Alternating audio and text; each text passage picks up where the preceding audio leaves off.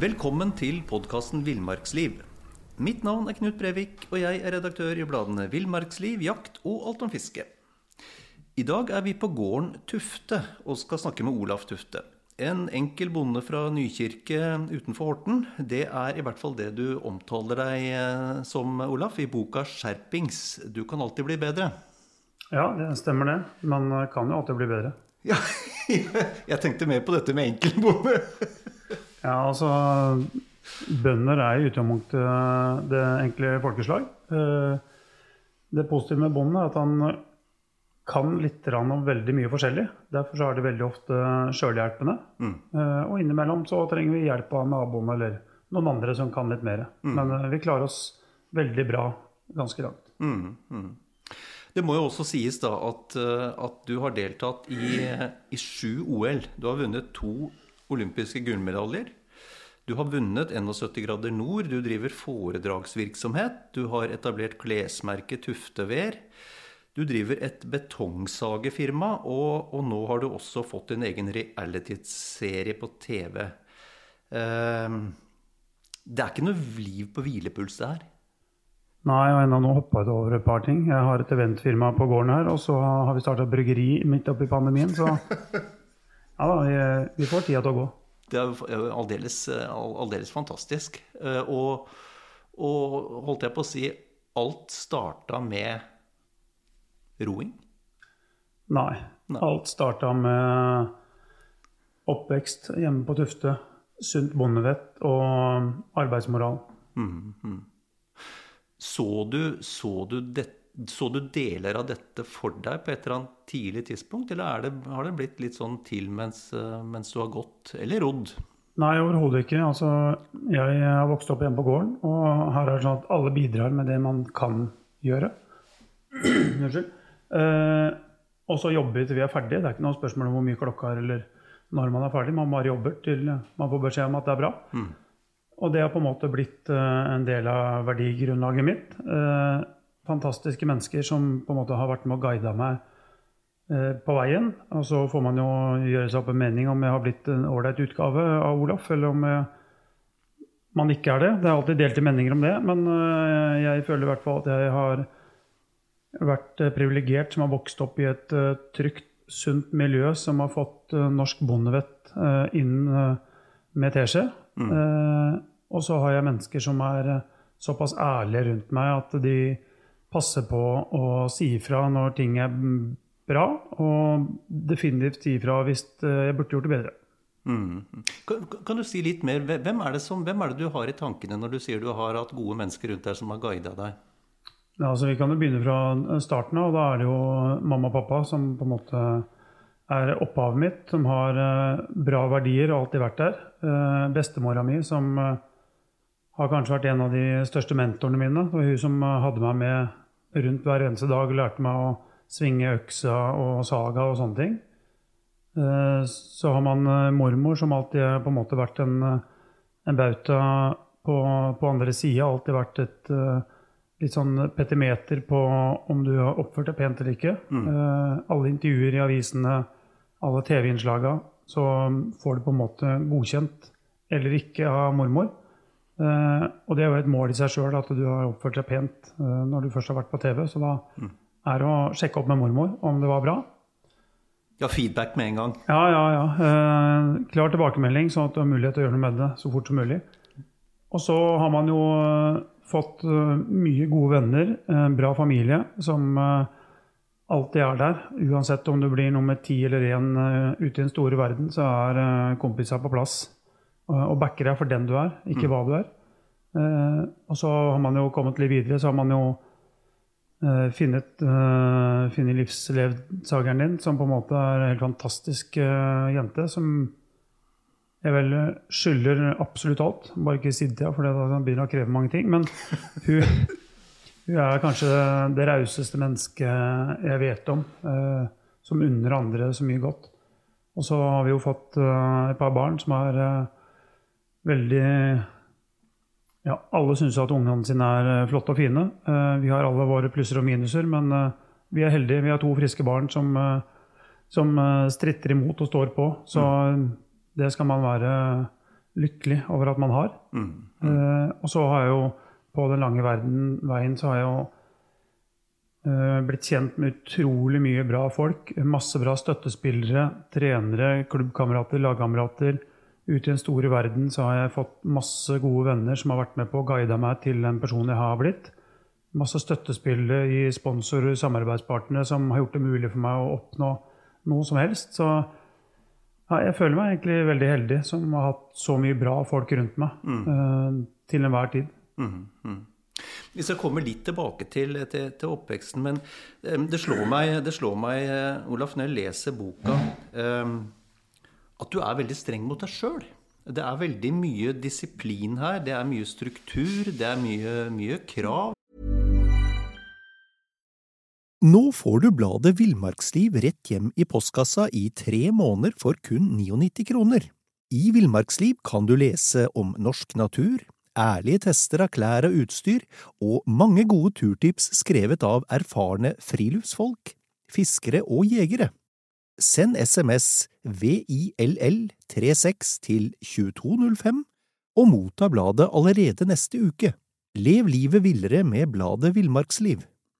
Mom deserves the best, and there's no better place to shop for Mother's Day than Whole Foods Market. They're your destination for unbeatable savings, from premium gifts to show-stopping flowers and irresistible desserts. Start by saving 33% with Prime on all body care and candles. Then get a 15-stem bunch of tulips for just $9.99 each with Prime. Round out Mom's menu with festive rosé, irresistible berry chantilly cake, and more special treats. Come celebrate Mother's Day at Whole Foods Market.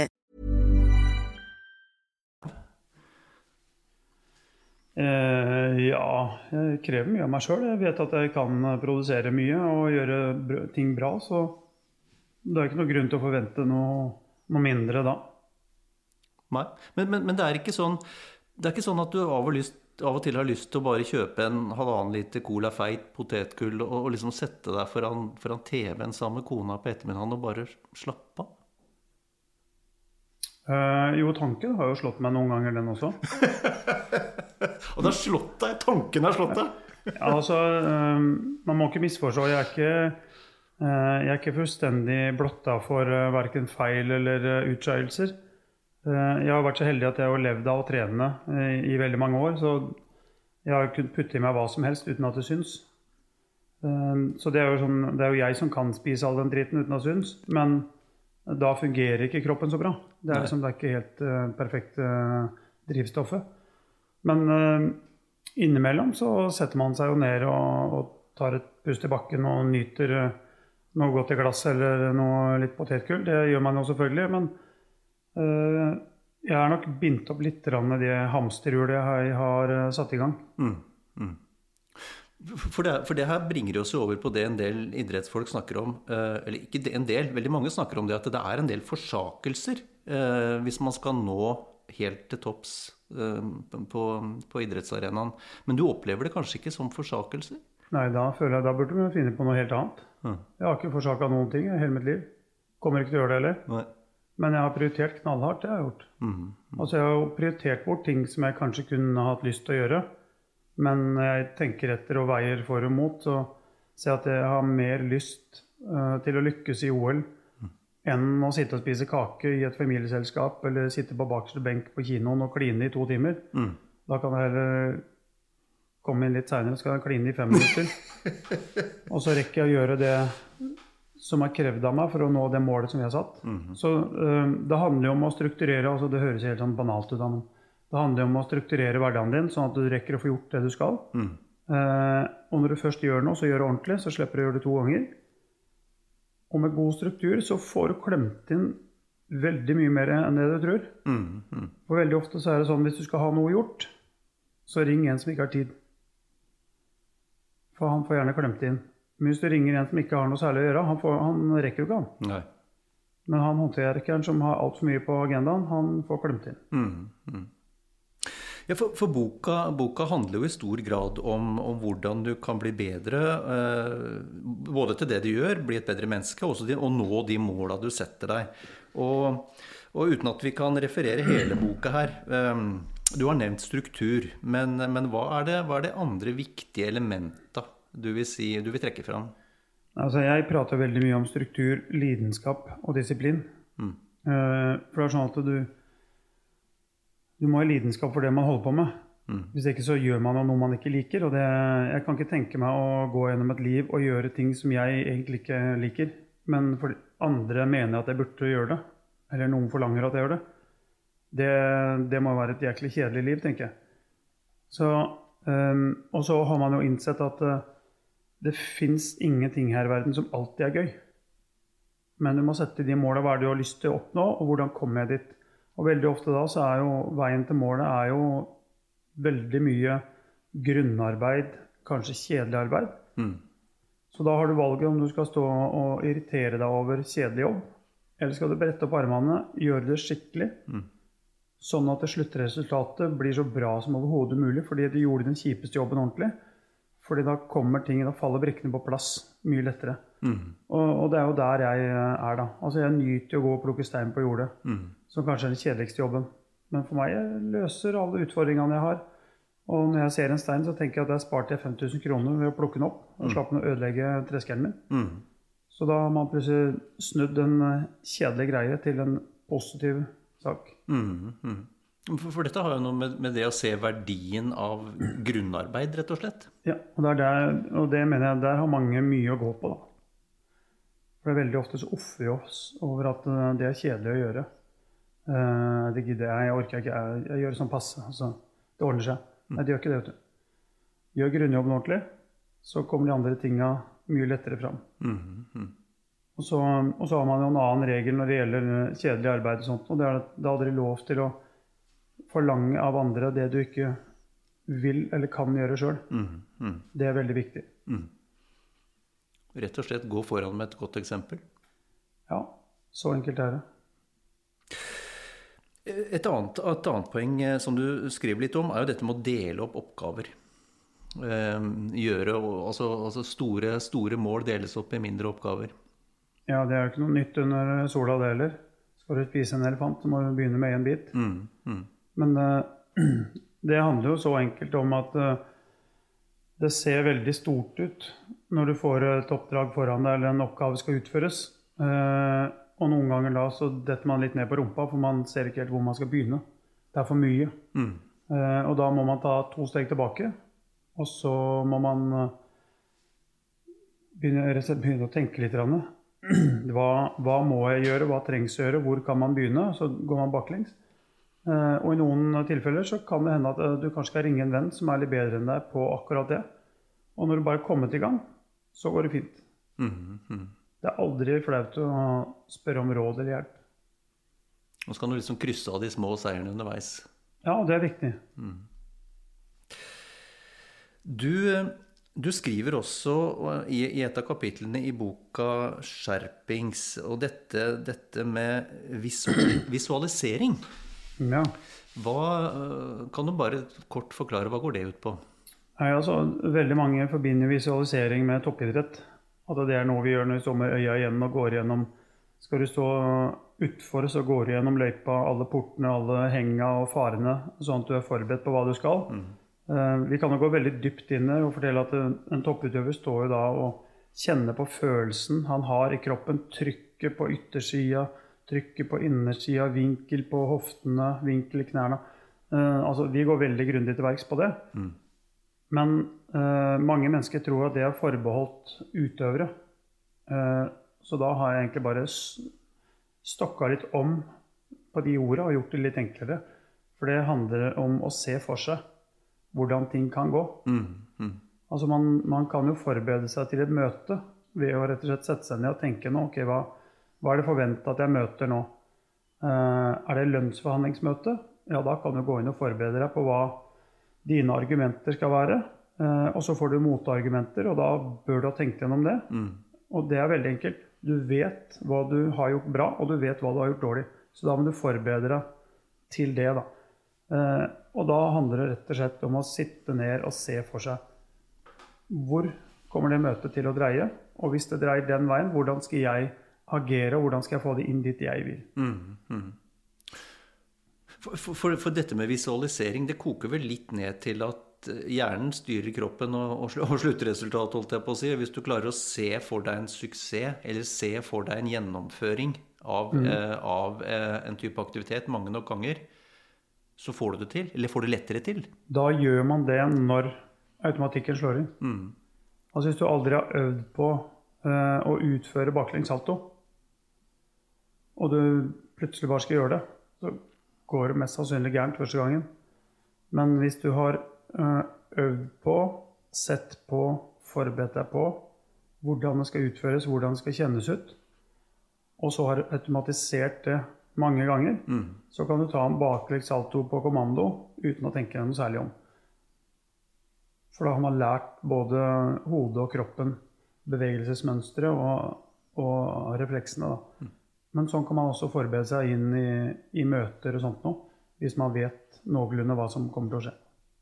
Og, og, og, det er jo som du sier, altså akkurat denne type trening er jo ikke forbeholdt nødvendigvis toppidrettsfolk. Det kan jo være hvis man ønsker å bli bedre til å svinge fluestanga, liksom. At du bare går, du må gå gjennom de ulike elementene i hodet. Se det for deg. Ja, nå er jo fluefisk en sport. Ikke sant? Ja, casting i hvert fall. men, eh, men det er helt korrekt. altså jeg pleier å sammenligne da, med uh, første kysset man fikk. Mm. For veldig mange kan lukke øya og kjenne igjen lukta den andre hadde. Mm. Klærne den hadde på seg. Om det så under en gatelykt, eller om det var andre mennesker i nærheten. Måtte du stå på tærne for å nå opp, eller måtte du bøye Altså, der sitter så mange følelser uh, i huet ditt, for det mm. var en stor opplevelse. Mm. Uh, og det er jo de tinga eh, man som utøver er ute etter når man skal visualisere og utøve sin greie. Vi er ute etter de tinga som vi kan gjenkjenne, og så gjøre det mange nok ganger. Så når vi faktisk kommer dit, så har vi vært der. Mm, mm. Uten egentlig å ha vært der. Mm. I boka di så har du en, en fascinerende historie eh, eh hvor, hvor, coachen din kommer tilbake på et eller annet tidspunkt. Mm. Kan du fortelle det? Ja, Det er vel eh, når jeg vinner VM i 2001, tenker jeg. Hvor vi avtaler at eh, Tore skal gå rett og slett i skauen på andre sida av robanen og gi meg noen kommandoer uh, underveis i løpet som vi har uh, Vi har prata om det, øvde meg inn. Og, så vi er enige om hva han skal si, uh, og jeg Eller vi er da enige om hva jeg skal utføre. Når jeg kommer dit, eh, så er det jo ganske varmt i topplokket. Sliten. Jeg hører stemmen til Tore, men jeg aner ikke hva han sier. Jeg hører ikke en døyt av hva han skriker. Men jeg har forberedt meg, forberedt meg, på hva han skal si. Så han trenger jo ikke si noe. Han trenger bare rope, så jeg hører han. Mm. Og så slår jeg om til det vi har blitt enige om. Mm. Og det har jeg jo forberedt meg på så utallig mange ganger. Mens jeg ikke hadde gjort det, og han hadde skriket, så valgte det jeg aner ikke hva han mener. Mm, mm. Men vi var jo enige om at jeg mener det her. Da er det det som skal skje. Og du har gått gjennom dette så mange ganger i hodet at det går på automatikk? Det går veldig på automatikk, for det har gått gjennom sikkert 100 ganger. Mm, mm. Ok.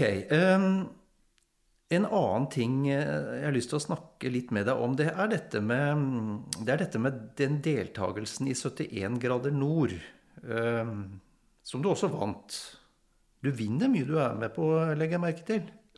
men, men, men det, det, jeg lurer på der, der forstår jeg at du før du, før du øh, reiste til start, holdt jeg på å si, 71 grader nord, så fikk du noen klare instruksjoner fra kona. Ja, kona begynte å legge seg opp i gameplanen min. ja, nei, det var øh, Altså, jeg hadde jo akkurat vært i sommer-OL i London. Så vi var jo på en måte klare for å roe oss litt. Og så kom da tilbudet om 71 grader nord. Og det er jo potensielt fire uker borte.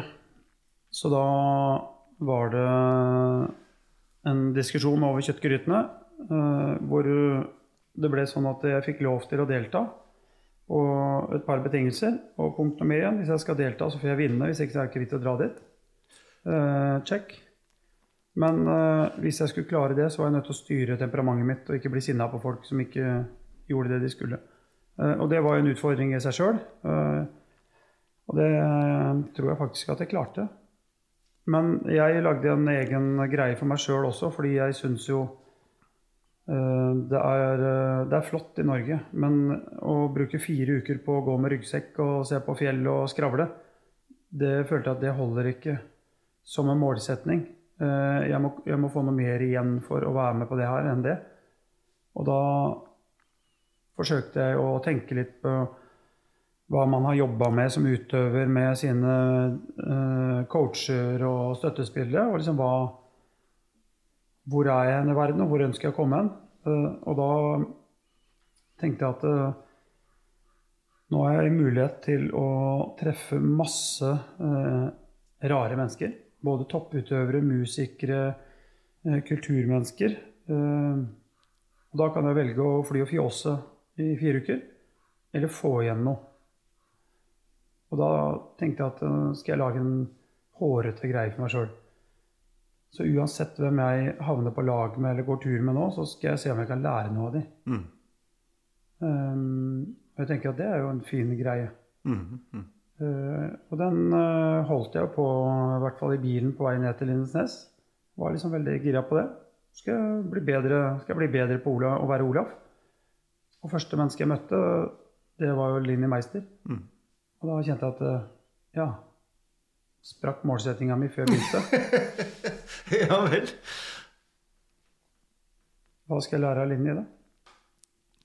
Jeg må, jeg må, innrømme at jeg sleit jo med det. Eh, Bimboen på TV. Mye skravl og champagne. Lite, lite fornuft i min verden. Så det var eh, Ja, for dere er ytterpunktene? Ja, jeg vil påstå at vi er rimelig ytterpunkter. uh, og det måtte jeg på en måte bite litt i meg. Da. Uh, og etter, uh, etter å ha gått på tur i fire-fem dager, og Linni slapp ned skuldrene, og jeg slapp ned skuldrene, så begynte man jo å kjenne på hverandre. Mm. og så viser det seg jo at Linni er det varmeste, mest omtenksomme og inkluderende menneske jeg noensinne har møtt. Mm, mm, mm. Uh, smart er hun også. Så hun er rett og slett en fantastisk jente. Mm. Men det hadde jeg jo aldri funnet ut av uh, hvis ikke jeg hadde vært sammen med henne. Uh, og det fikk meg til å tenke ganske mye på akkurat det at vi i Norge er kanskje verdensmestere på å dømme hverandre. Putte hverandre i bås. Og jeg har kjent på det veldig mange ganger sjøl, at man blir putta i bås bare fordi folk tror, antar eller har hørt at. Ja, hvordan blir du putta i bås? Hva, hva, hva, hvor, hvor, hvilken bås setter folk deg i før de har møtt deg? Eh, jeg kan kjapt bli putta i en bås at eh, jeg er en eh, arrogant drittsekk. Ok. og det sier jeg, det kan godt være, men det hadde vært hyggelig om du hadde prata med meg først, før du putta meg i båsen. Mm, mm. og grunnen til at noen mener at jeg er arrogant, er ofte at Uh, hvis jeg mot formodning er og tusler i gatene i byen, så er det mange som føler at de kjenner meg litt, for jeg har sett meg ganske mye på TV. Mm. Og det syns jeg er superhyggelig. Uh, mm. Det er kjempekoselig. Og jeg slår av en prat med alle menneskene som stopper meg. Mm. Uh, men noen ganger så Jeg har bare de fem firmaene og litt ekstra å gjøre. Så veldig ofte så går jeg i telefonen eller sender meldinger. Og hvis jeg ikke gjør det, så titter jeg veldig ofte litt sånn ned i bakken. Eh, fordi jeg er en eh, person uten altfor mye sjøltillit og er mest opptatt av å komme meg fram dit jeg skal. Så jeg går liksom ikke og jubler at eh, Høy, høy, Tuften er i byen, hils på meg. Vi er ikke der. Men så er det jo det at noen føler at de kanskje kjenner meg litt eller kjenner meg igjen, og så hilser de på andre sida av gata. Og så ser jeg det ikke. Og vips, så var jeg han arrogante drittsekken som ikke engang gadd å hilse. Mm, mm. og da blir jeg lei meg. For jeg syns det er så kjedelig. Altså, jeg skulle gjort hva som helst fra spola ti sekunder tilbake og titta opp fra telefonen og hilst. Uh, ber jo bare om unnskyldning for at jeg ikke så det. Men det er så kjedelig da, å da finne ut seinere at uh, andre mennesker har på en måte sagt at du er en arrogant drittsekk, for du gidder jo ikke hilse på folk engang. Um, og så har de kanskje hørt uh, noen av mine litt klare, ærlige meninger. Uh, og de kan være beintøffe. men Eh, akkurat som å få en artikkel foran seg. Når en journalist begynner å klippe og lime i det de sier, så kan noe ting høres helt på trynet ut fordi de skal ha overskrifter. Mm. Og sånn gjør vi mennesker òg. Og det er da jeg eh, har funnet ut det. Og jeg har jobba som dørvakt i sju år. Og jobben min er å skanne folk. Mm. Um, og vi bruker maks ti sekunder, kanskje bare fem sekunder, på å skanne personen som kommer inn på tunet her. Mm. Det er liksom et opp og ned. Så ser jeg hva du har på beina, hvilke klær du har, kroppsholdning, ansiktsuttrykk, hårfasong hvis du hadde hatt. Så, øh, og eventuelt hva du sier i første strofe. Uh, og så kan jeg da legge til det jeg har hørt om andre Mm. si om deg. Mm. Så har jeg på en måte putta i en bås som du skal jobbe knallhardt for å komme ut av. Mm. Eh, og det er, det er forbanna urettferdig. Mm. Mm. Eh, så jeg lagde en regel for meg sjøl uh, når på en måte Linni var med på å åpne øynene mine rett. At det er faktisk ikke lov til å dømme folk før du får se i ryggsekken. Men den ryggsekken den tar det noen dager før du får lov å titte oppi. Mm. Mm. Og alle har en ryggsekk. Og den ryggsekken har du ikke valgt sjøl engang, veldig ofte. Fordi du får en ryggsekk den dagen du blir født. Du velger ikke mamma og pappa, du velger ikke bestemødre. Eh, Og du velger stort sett ikke hva du får i den sekken de første ti åra av livet ditt. Men de første ti åra av livet ditt kommer til å prege resten av livet ditt. For det er i den ryggsekken. Mm. Og så er det eh, litt opp til deg og veldig mye opp til andre mennesker hvordan du klarer å håndtere det som er i den sekken. Og det er forskjellig fra alle. Så før man får lov til å se i ryggsekken og se hva som befinner seg der, så er det ikke lov til å dømme hverandre. Fordi veldig mange svar kommer når du titter i en sånn ryggsekk. Mm. Mm. Så da må vi faktisk ha litt tålmodighet. Mm. Syns du, du at du har blitt bedre til det, å ikke dømme? Eh, Jeg er definitivt bedre, men jeg er fortsatt veldig god på å skanne. Mm. Mm. Og må ta meg sjøl i det veldig mange ganger. Mm. Så jeg har også forbedringspotensial. Du nevnte noe inni her som jeg syns er litt fascinerende. Du nevnte at du er en mann eh, med dårlig selvtillit.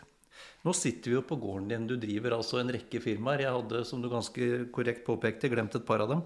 Ehm, du har vunnet OL. eh, Du har fått din egen reality-serie på TV, som, som jo er det nærmeste man kommer å bli adelig i Norge. Altså Har du ikke fått litt bedre selvtillit med åra? Eh, Jeg er veldig klar over hva jeg er god på, eh, og hva jeg ikke er like bra på.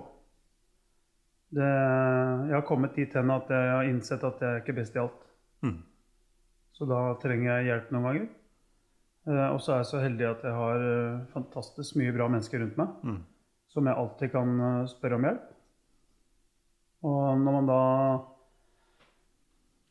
er med å bidra til at andre mennesker også lykkes, eh, andre mennesker også har det bra, så plutselig så har man eh, en veldig stor pool av eh, folk rundt seg som ønsker å bidra. Mm. Så det handler om litt grann, Som en bonde så kan man jo si det veldig enkelt. da. Man høster som man sår. Mm. Så hvis du sår mye bra frø, og passer på å vanne de, så kan innhøstinga bli veldig bra. Nå får du bladet Villmarksliv rett hjem i postkassa i tre måneder for kun 99 kroner. I Villmarksliv kan du lese om norsk natur, ærlige tester av klær og utstyr, og mange gode turtips skrevet av erfarne friluftsfolk, fiskere og jegere. Send SMS VILL36 til 2205 og motta bladet allerede neste uke. Lev livet villere med bladet Villmarksliv. Hey, it's Paige DeSorbo from Giggly Squad. High quality fashion without the price tag. Say hello to Quince. I'm snagging high-end essentials like cozy cashmere sweaters, sleek leather jackets, fine jewelry, and so much more. With Quince being 50 to 80% less than similar brands. And they partner with factories that prioritize safe, ethical, and responsible manufacturing. I love that. Luxury quality within reach. Go to quince.com slash style to get free shipping and 365 day returns on your next order. Quince.com slash style.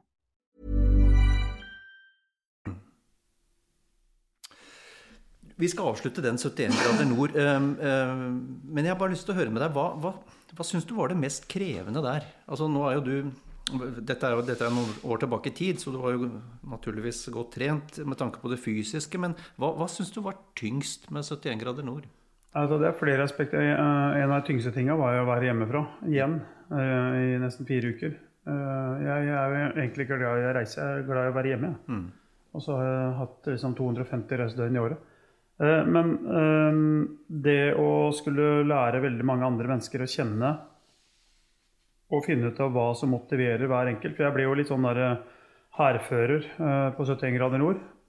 Eh, uansett hvilket lag jeg var på, så var jo målsettinga å komme først. Og, og få, få de premiene som det var mulig å få tak i. Om det var egg og bacon, eller om det var en kald cola du kom fram. Spilte, det, liksom, det spiller ingen trille.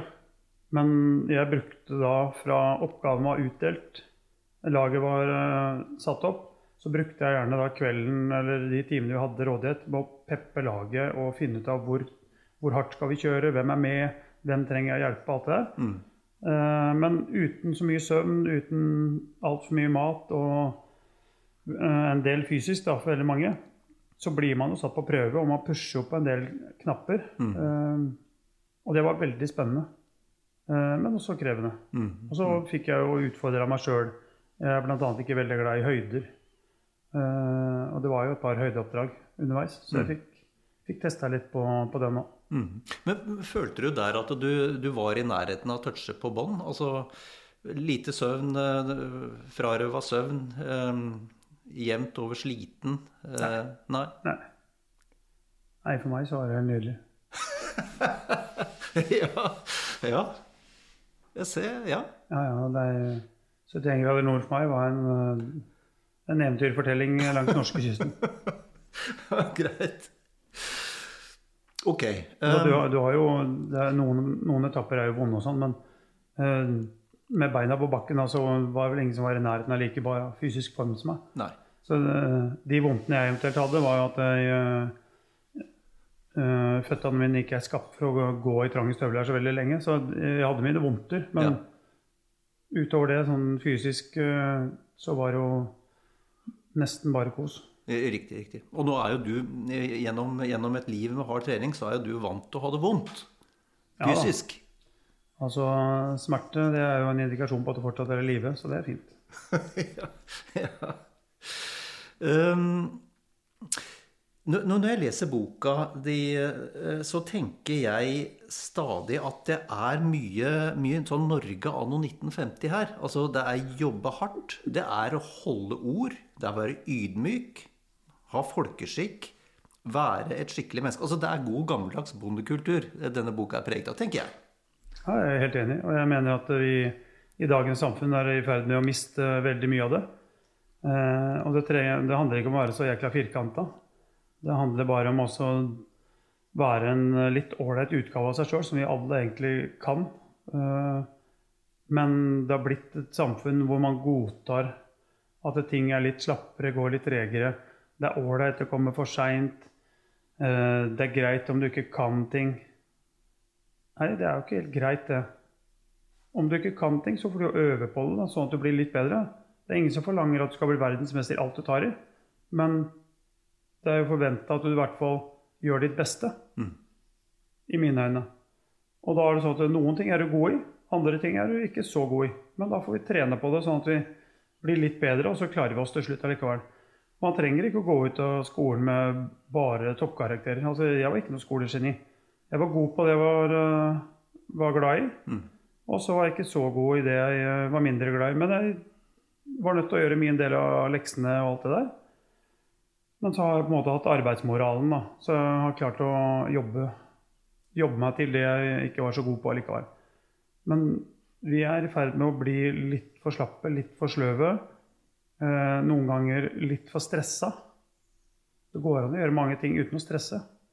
Eh, I går så fikk jeg faktisk melding om, fra ei dame som følte seg litt provosert av tittelen.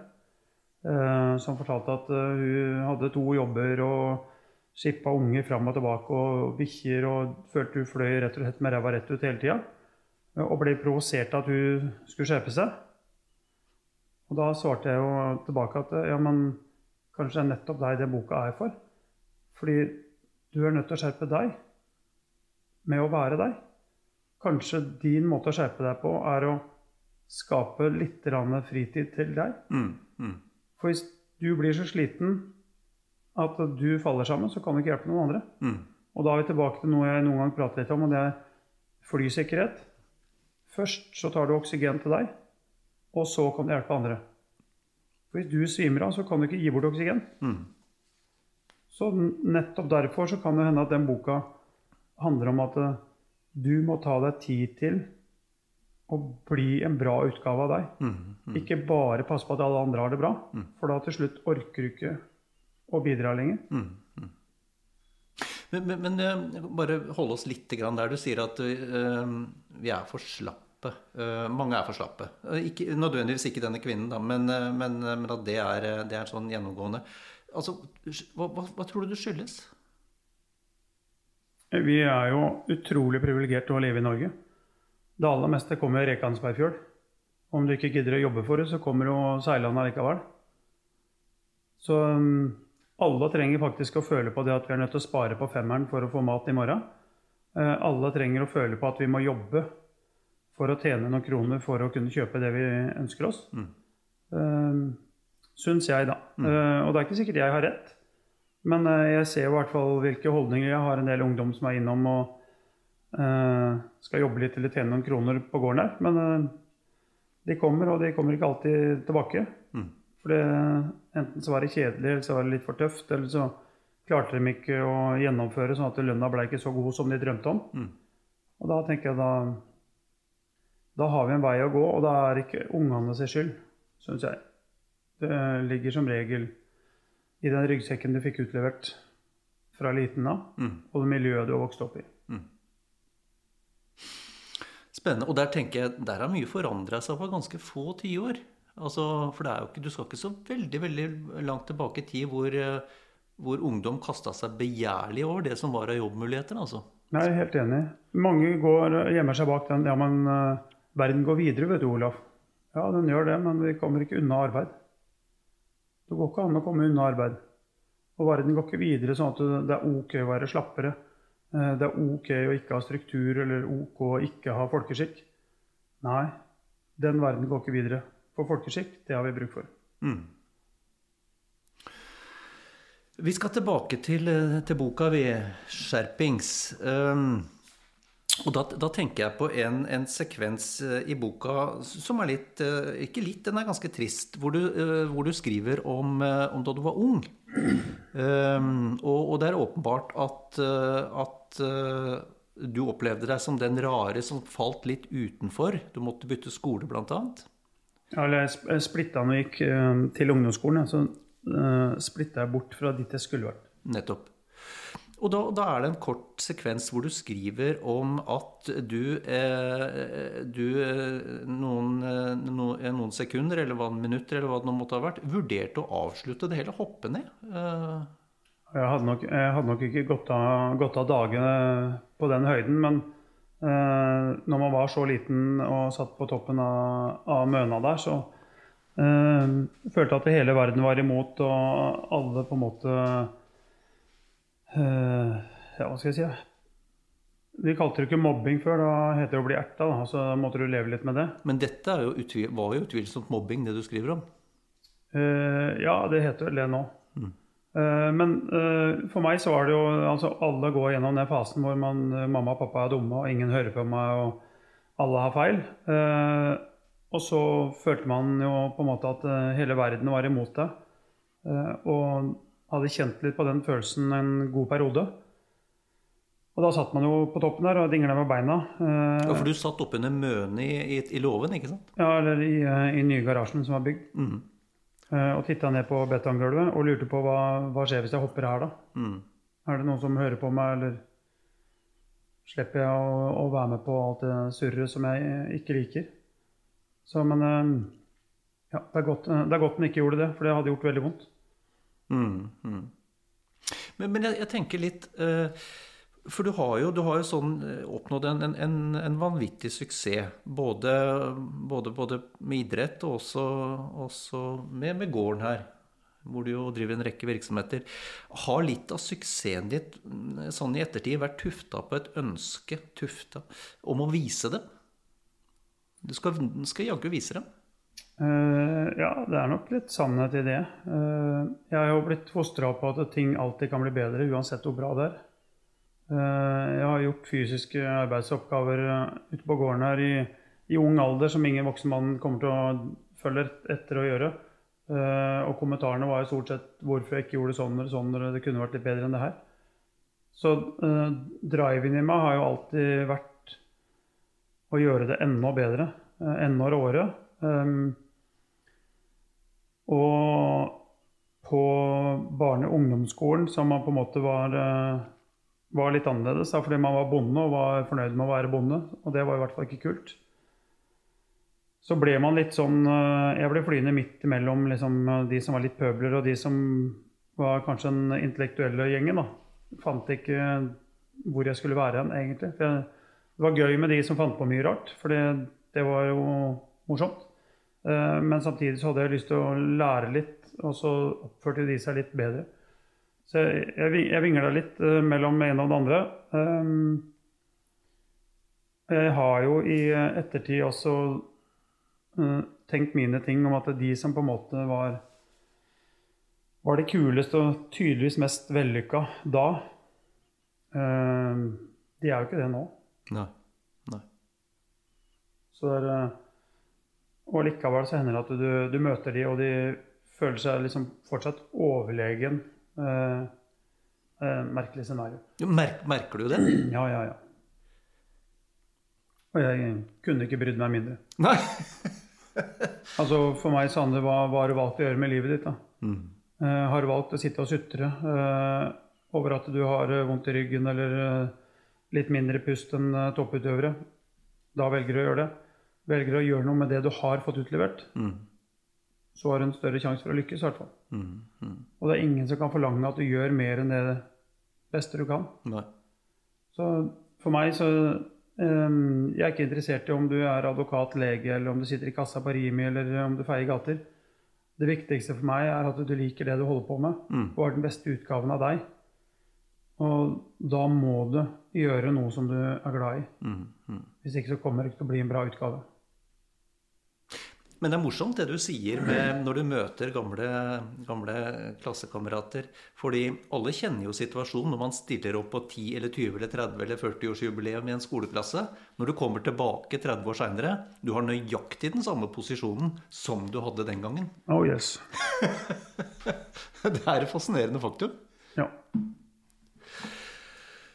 Uh, vi, vi, kan ikke, vi, kan ikke, snakke med deg, Olaf, uten å, uten å, spørre deg om hva som er ditt aller, aller sterkeste minne fra en fantastisk idrettskarriere. Altså det, er veldig, det er veldig mange minner, og uh, avhengig av om man på en måte er ute etter sportslig minne eller uh, følelser eller opplevelser. Mm. Um, det er klart det største sportslige Minnene er selvfølgelig å vinne OL-gull. Eh, noe som man jobber så lenge for. Men så er det opplevelsen av å være med på å åpne en roverden til å bli en stor eh, familie, som jeg på en måte har vært med på. Eh, og vært en av de som har gått i front og gjort det. En av mine verste konkurrenter ble jo min beste kompis. Mm. Jeg var jo forloveren hans. Vi krangla om å vinne medaljen i både dobbeltsculler og singelsculler i mange år. Og vi endte opp med å bli bestekamerater, og det var ingen som skjønte noen ting av. For vi var jo, vi var fiender. Mm. Nei, vi er jo ikke fiender i det hele tatt. Vi ser hvem som er best, og så har vi det gøy ved siden av. Mm. Og så lærer vi av hverandre, og så ser vi om vi har blitt litt bedre til neste gang. Mm. Uh, og det er, en, uh, det er, en, reise som jeg er uh, veldig glad for at jeg har vært med på. og kanskje til og med litt stolt av at jeg har vært en av de som på en måte har stått for den kulturen. Da. At den har blitt sånn som den er eh, i dag. For nå er det veldig åpent. Ja, Så nå er det, nå er det å betrakte som en stor, en, en stor familie, som uh, riktignok konkurrerer hardt, men uh... Ja, i enda større grad. Men så skal man jo huske på at når jeg begynte å ro uh, på 90-tallet, så var det sånn at veldig mange østblokkland de prata jo ikke engelsk. Franskmennene prata i hvert fall ikke engelsk. Så da ble det veldig sånn grupperinger eh, i miljøet. Mens eh, vi som prata engelsk, eller ønska i hvert fall å lære å prate engelsk, vi, vi turte jo å kommunisere med hverandre. Og den sirkelen ble på en måte bare større og større og større. Så det, det har vært en morsom eh, reise. Hvordan, hvordan opplever du det nå hvor du ikke skal, ikke skal konkurrere, ikke være sammen med lagkameratene? Altså, er det, er det et savn? Akkurat nå er det ikke sånn kjempesam, for nå er vi inne i en periode av året hvor det alltid er veldig hektisk etter eh, VM eller OL. Hvor jeg setter av tid til å jobbe masse eh, samtidig som jeg trener.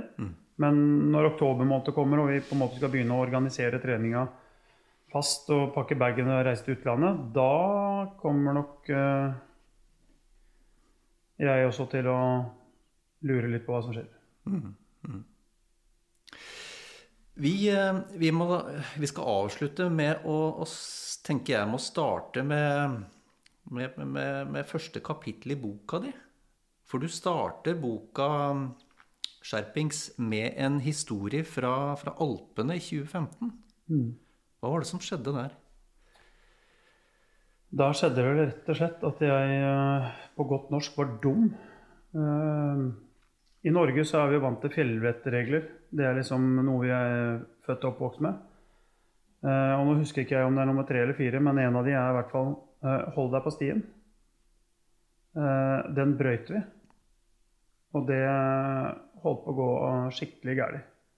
En, en god, vond lærepenge som jeg er veldig glad for at det ble en lærepenge og ikke, ikke et resultat. Ja, for du og familien var på tur, eh, topptur. Ja. Eh, og så skulle du gå litt videre for å sjekke terrenget. Ja, det, stien stoppa, eh, og da var vi jo langt unna toppen. Så da så det sånn fint ut å liksom tusle litt lenger oppover. Så, og ungene syntes det var kjempegøy, for de rasa bare oppover. Så vi fulgte bare på. Så etter at vi hadde gått ganske lenge oppover, så begynte kona å jamre litt om at det var ganske bratt og langt ned. Så når jeg da snudde meg og titta ned, så så jeg bare Å, dæven. eh, Vi skal ikke gå denne veien ned igjen. For dette, hvis noen av oss sklir her, så åker vi jo helt i bånn. Såpass, ja. Um, så da valgte vi også å parkere Aina og ungene i, blant noen steiner som var litt sånn flatt, så de kunne sitte her og spise lunsj. Og så sa jeg at jeg tar en runde rundt hjørnet, og så skal jeg se om vi finner en eh, litt bedre vei ned, så slipper vi å ta noen sjanser. Mm. Eh, Så ble det jeg som tok sjansen isteden. For da plutselig så var, befant jeg meg midt i et rasområde. eh, Masse løsmasser og noen store steiner. Og idet jeg var midt, midt ute i rasfeltet, så begynte ting å bevege seg. Og da blir man ikke veldig høy i hatten når man titter rundt seg og ser at det er liksom bare 20 meter til, til kanten, og der er det et par 300 meter rett ned. ja. For stein du sto på, begynte å røre på seg? var det? Ja, og løsmassene rundt. Uh, og du trenger ikke være spesielt uh, begava for å skjønne at hvis det her begynner å gå, så da går alt. Så da var det jo Det som skjedde, var at jeg frøys jo. Mm. Uh, med høydeskrekkscenarioet i, eh, i hodet og tanken på konsekvensen av at hvis dette gikk gærent. Så da, da fikk jeg oppleve frys, rett og slett. Eh, og det var ikke så veldig heldig der jeg var, fordi ting var i bevegelse. Så jeg var jo jeg var nødt til å komme meg ut, hvis ikke så Ja, For du kjente på dødsangst? Ja. Det jeg vil kalle for frykt. Mm. Um, og da begynte telefonen å kime. Eh, og det er litt morsomt, for det var jeg selvfølgelig eh, sint med DDE. eh, for det var sangen jeg hadde på kona. Hun ble ikke noe mindre sint at ikke jeg svarte. Hun ringte liksom to, tre, fire ganger. Og jeg var ikke i nærheten av å kunne touche telefonen. Ja, For du, du turte rett og slett ikke å røre deg, du? Kunne ikke bevege meg. Nei. Det var helt uaktuelt. Eh, og da er det jo på en måte sånn i ferd med å gi opp fordi du klarer ikke å tenke.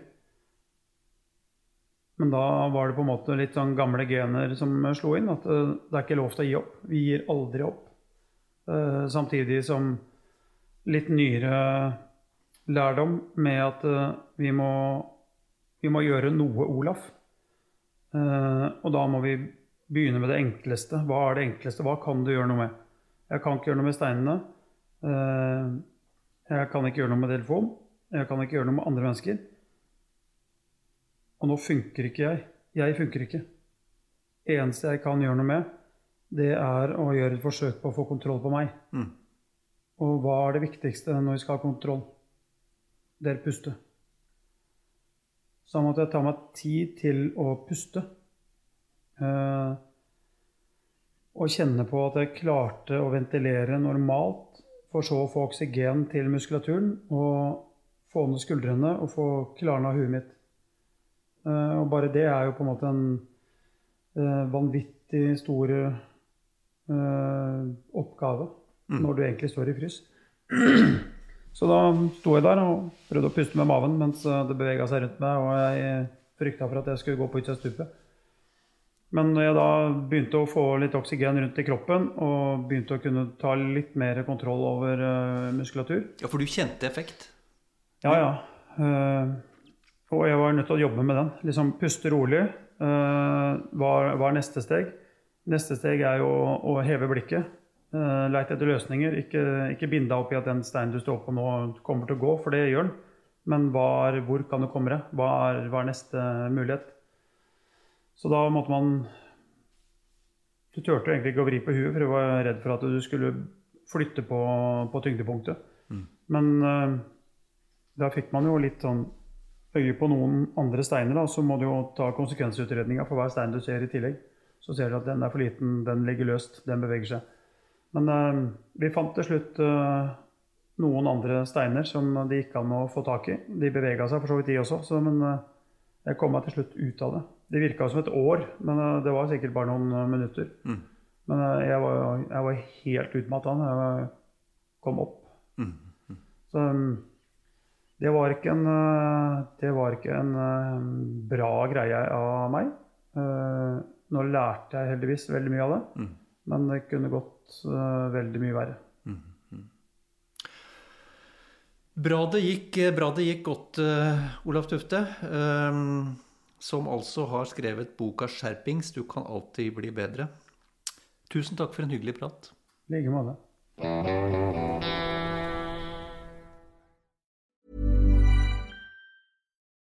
Nå får du bladet Villmarksliv rett hjem i postkassa i tre måneder for kun 99 kroner. I Villmarksliv kan du lese om norsk natur, ærlige tester av klær og utstyr, og mange gode turtips skrevet av erfarne friluftsfolk, fiskere og jegere. Send SMS VILL36 til 2205 og motta bladet allerede neste uke. Lev livet villere med bladet Villmarksliv. Hi, I'm Daniel, founder of Pretty Litter. Did you know cats tend to hide symptoms of sickness and pain? I learned this the hard way after losing my cat, Gingy. So I created Pretty Litter, a health monitoring litter that helps detect early signs of illness by changing colors, saving you money and potentially your cat's life. Pretty Litter is veterinarian developed, and it's the easiest way to keep tabs on your fur baby's health right at home. Go to prettylitter.com and use code ACAST for 20% off your first order and a free cat toy. Terms and conditions apply. See site for details. Planning for your next trip? Elevate your travel style with Quince. Quince has all the jet setting essentials you'll want for your next getaway, like European linen, premium luggage options, buttery soft Italian leather bags, and so much more. And is all priced at 50 to 80% less than similar brands.